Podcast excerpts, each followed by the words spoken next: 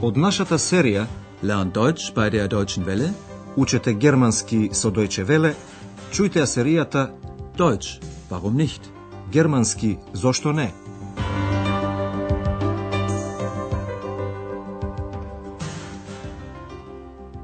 Liebe Hörerinnen und Hörer. Драги слушателки и слушатели, во денешната 19-та лекција од четвртата серија ќе слушнете една репортажа за покрената предна Саксонија, Саксен Анхалт. Таа е една од петте покрајни која по обединувањето на двете германски држави во 1990 година стана дел од Сојузна република Германија. Постојат многу нешта што може да се раскажат за предна Саксонија како земја на спротивности. Убавата област Харц, богатото историско минато, како на пример работата на Мартин Лутер, но и уништената природа од хемиската индустрија. Андреас ги одбра овие три аспекти за својата репортажа. Лекцијата има наслов Предна Саксонија. Природа, индустрија, религија. Саксен Анхалт. Натур, Industrie, Religion.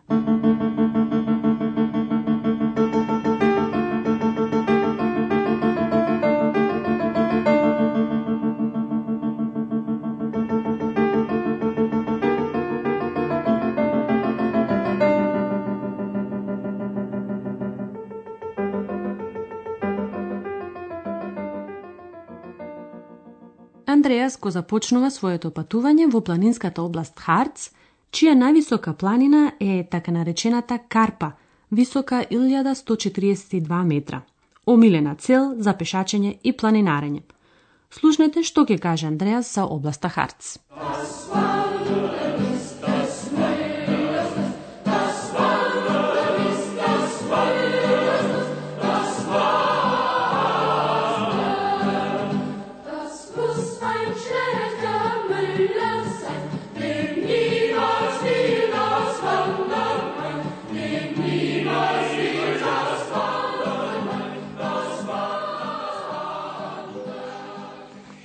man weiß, wandern die Deutschen gern. Ich übrigens auch. Deshalb bin ich in den Harz gefahren, um endlich auf den Brocken zu steigen.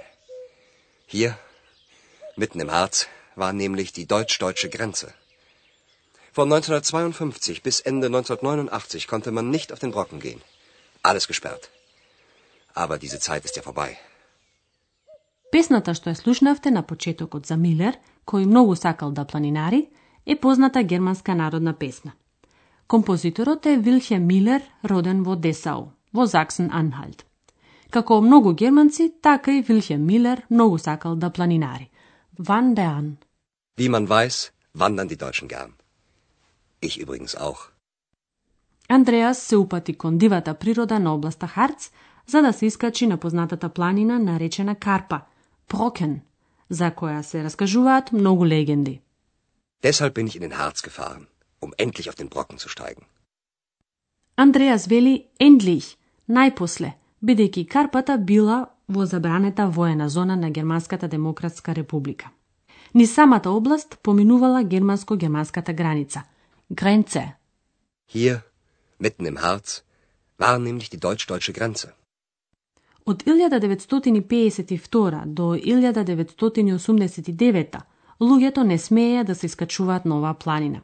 Таа се наоѓала на територијата на ДДР и била забранета за минување. Gesperrt. Von 1952 bis Ende 1989 konnte man nicht auf den Brocken gehen. Alles gesperrt. Како што веќе рековме, Заксен Анхалт е земја на противречности.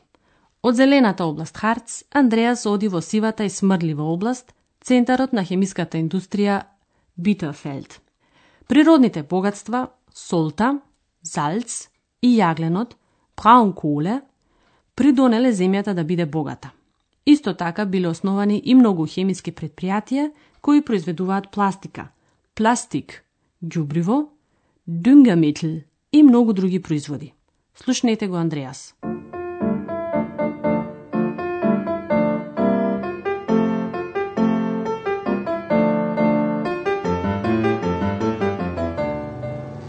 Fahre ich von Halle nach Bitterfeld. Der Boden hier ist sehr reich. Schon im Mittelalter wurde in Halle Salz abgebaut. Später kam der Abbau von Braunkohle dazu. Und heute? Obwohl ich die Fenster geschlossen habe, stinkt es. Noch 15 Kilometer bis Bitterfeld, aber man riecht schon die Chemieabgase. In und um Bitterfeld war das Chemiezentrum von Ostdeutschland.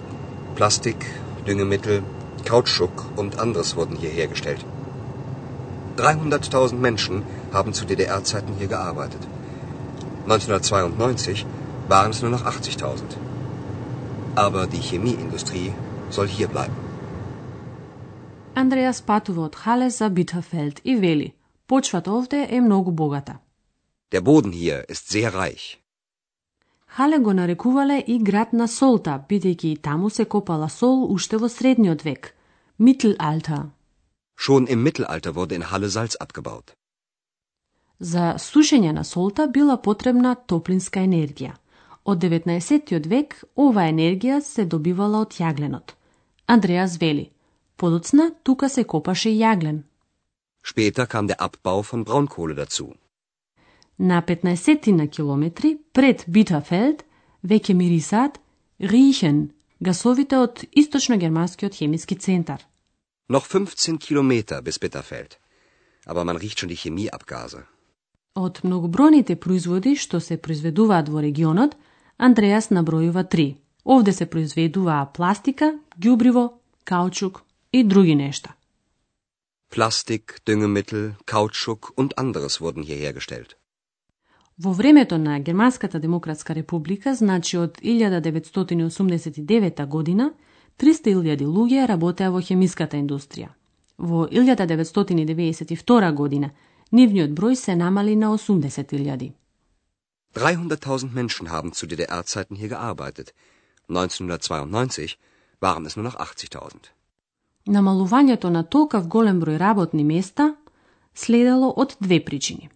Источно-германското стопанство од една страна беше нерентабилно, а машините застарени. Но другата, посилната причина беше загадувањето на воздухот, почвата и водата во оваа област. Отровните отпадоци, апфеле, кои настануваа во текот на производството, непрочистени се исфрлаа во земјата и во реките. Слушнете го, Андреас.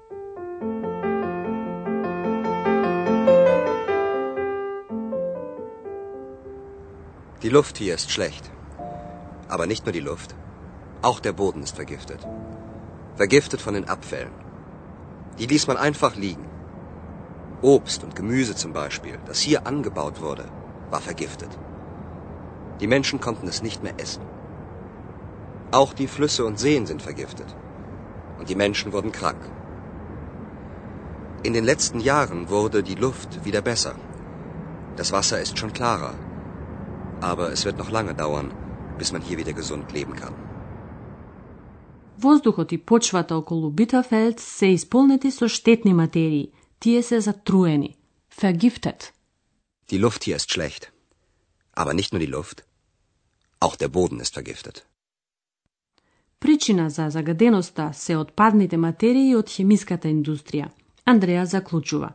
Затруени се со отпадни материи. Vergiftet von den Abfällen. Отпадот се складирал или во самата фабрика, или се затрупувал во големите дупки, преостанати од јагленокопите. Андреас са отпадот вели, тој едноставно бил оставен. Die ließ man einfach liegen. Земјата ги впивала отровните материи, така што нив ги имало и во прехрамбените производи, како на пример во овошето и зеленчукот, што биле садени на таа почва. Obst und Gemüse zum Beispiel, das hier angebaut wurde, war vergiftet. Die Menschen konnten es nicht mehr essen. Другите отпадоци се истурале во водата, во реките или во езерата. Сето тоа предизвикувало многу болести кај луѓето. Auch die Flüsse und Seen sind vergiftet. Und die Menschen wurden krank. Областа околу Битафелд се уште е индустријска област, но сега се внимава на тоа животната средина да не се оптоварува до тој степен. Андреас упатува на фактот дека во последните години воздухот е подобар, а и водата станува побистра. In den letzten Jahren wurde die Luft wieder besser. Das Wasser ist schon klarer. Андреас реално ја оценува ситуацијата.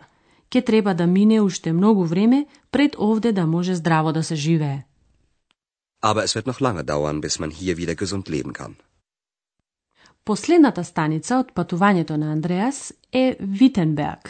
Во овој град во 1517 година реформаторот Мартин Лутер јавно го искажал своето мислење за христијанскиот живот.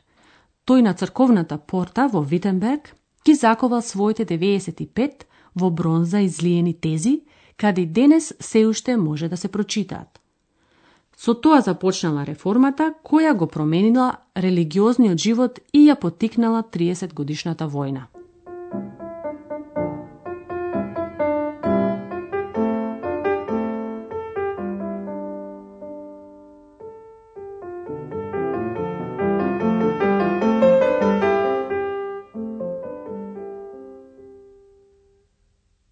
Во 1983 година, по повод 500 години од раѓањето на Лутер, во Витенберг се одржа една многу храбра акција. Мировното движење на Германската демократска република го имало и го има мотото мечевите да станат плугови. Со мечот, швеат, се убива, а со плуговите, плуг шаан, се копа земјата, на која се зее житото, значи се овозможува животот. Тоа символично беше представено вечерта во 1983 година во Витенберг. Еден ковач, Шмид од Витенберг, но слушнете го сами кажувањето на еден очевидец, кој како новинар присуствувал и го коментирал настанот.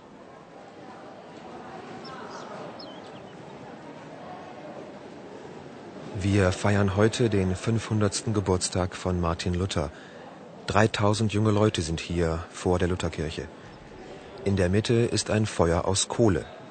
Ein Schmied aus Wittenberg geht in die Mitte zu dem Feuer. Er hat ein Schwert in der Hand. Er hält es hoch. Jetzt legt er es ins Feuer. Das Schwert glüht. Der Schmied schlägt auf das Eisen ein.